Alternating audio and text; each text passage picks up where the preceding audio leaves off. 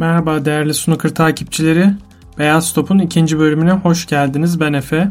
Bugün sizlerle snooker'da başarı kriterleri hakkında konuşacağız. Gerek bireysel gerek takım sporlarında dünya şampiyonluğunun önemi çok büyüktür. Bu snooker'da da aynen böyle. Hatta bir dönemler var olan tek turnuva dünya şampiyonası olduğu için başarının tek kıstası da haliyle oydu. Basitçe ifade edecek olursak en çok dünya şampiyonluğu olan oyuncu en iyi oyuncuydu.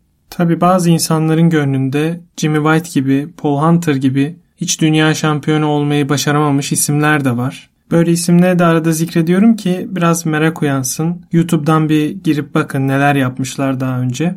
Mutlaka ki bir sporu takip ederken başarılı oyuncuları desteklemek her zaman en kolayıdır.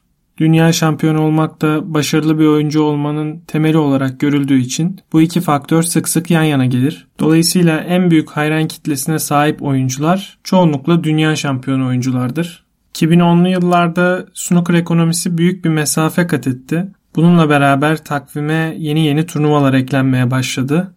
Bu gelişmenin ardından dünya şampiyonası az da olsa önemini yitirdi. Çünkü artık oyuncuların para ve sıralama puanı kazanabileceği daha çok alternatifi vardı. İşte o andan itibaren sıralama turnuvası zaferleri önem kazanmaya başladı. Peki sıralama turnuvası nedir? Adından da anlaşılabileceği üzere oyuncunun dünya sıralamasındaki yerine katkı sağlayan turnuvalardır. Eskiden para ödülüyle sıralama puanı farklı şeylerdi. Genelde bu ikisi doğru orantılıydı fakat sistemin işleyişi farklıydı. Şu anda ise turnuvanın para ödülleri doğrudan sıralama puanı olarak kabul ediliyor. Güncel sıralama sistemi oyuncunun 2 yıllık başarısını baz alıyor yani sizin şu an kazandığınız bir turnuva 2 yıl boyunca size fayda sağlamaya devam ediyor. Ancak 2 yıl sonra aynı turnuvayı kazanamazsanız puanlarınız hanenizden siliniyor. Bir turnuva da aldığınız derece hemen o turnuvanın bitiminde sıralamanıza yansıyor. Bir de takvimde yerleştirmeler için kullanılan güncelleme noktaları var. Bunu birazdan örnekle açıkladığım zaman daha iyi anlayacaksınız. Şimdilik çok üzerinde durmayalım. Peki sıralama tablosunun üst basamaklarında yer almak ne gibi avantajlar sağlıyor? Biraz da bunun hakkında konuşalım. Sıralama listesinde özellikle ilk 16 oyuncu arasında bulunmanın büyük faydaları var. İlk 16'daki isimler Dünya Snooker Şampiyonası'na direkt olarak ana tablodan başlarlar. Bu da demek oluyor ki hayli yorucu ve yıpratıcı olan eleme maçlarını oynamaktan kurtulmuş olurlar.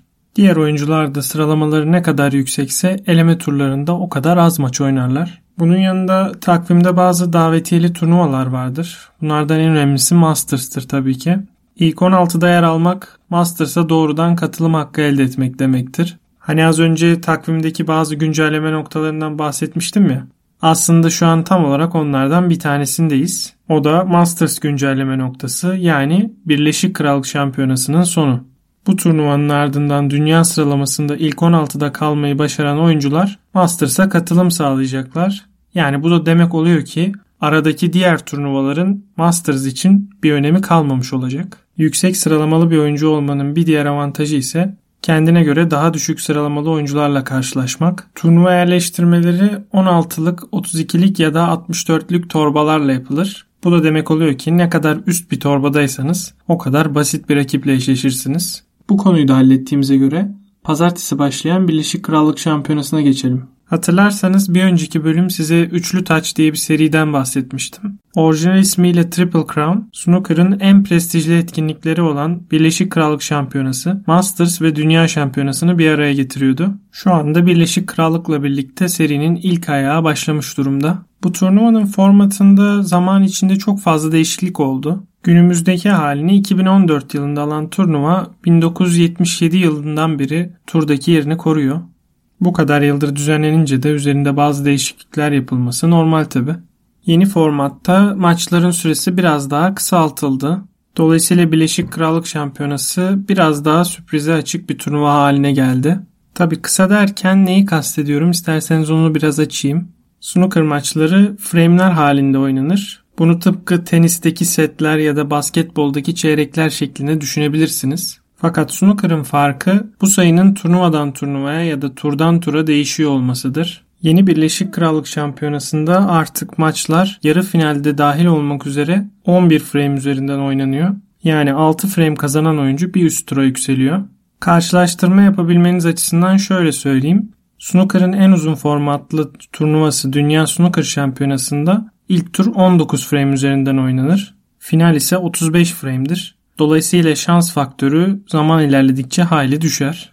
Üçlü taş turnuvalarının her birinin ait olduğu bir şehir vardır. O şehirlerde de genelde özel bir salonda düzenlenirler. Birleşik Krallık Şampiyonası için bu şehir York'tur ve oyuncular tarafından hayli sevilen bir şehirdir. Bu sezon özelinde turnuva ait olduğu Barbican Center yerine geride kalan tüm turnuvalarda olduğu gibi Milton Keynes'deki Marshall Arena'da düzenlenecek. Tabi neden böyle olduğunu tahmin ediyorsunuzdur. Malum salgın yüzünden bütün turnuvalar aynı salonda düzenleniyor. Birleşik Krallık Şampiyonası'nda herkese açık olan diğer bütün etkinliklerdeki gibi 128 oyuncu mücadele edecek. 6 Aralık pazar gününe kadar sürecek olan şampiyonayı izlemeyi ihmal etmeyin. Çok güzel eşleşmeler var. Eminim ki gayet keyifli maçlar olacaktır. Maçlarla ilgili yorumlarınızı ya da merak ettiklerinizi bana Instagram'da Red Black Snooker adresinden ulaştırabilirsiniz. Elimden geldiğince bütün mesajları cevaplamaya çalışıyorum. Bugünlük sizlerle paylaşacaklarım bu kadar. Şimdilik veda edelim. Beyaz Top'un bir sonraki bölümünde görüşmek üzere. Hoşçakalın, snooker'la kalın.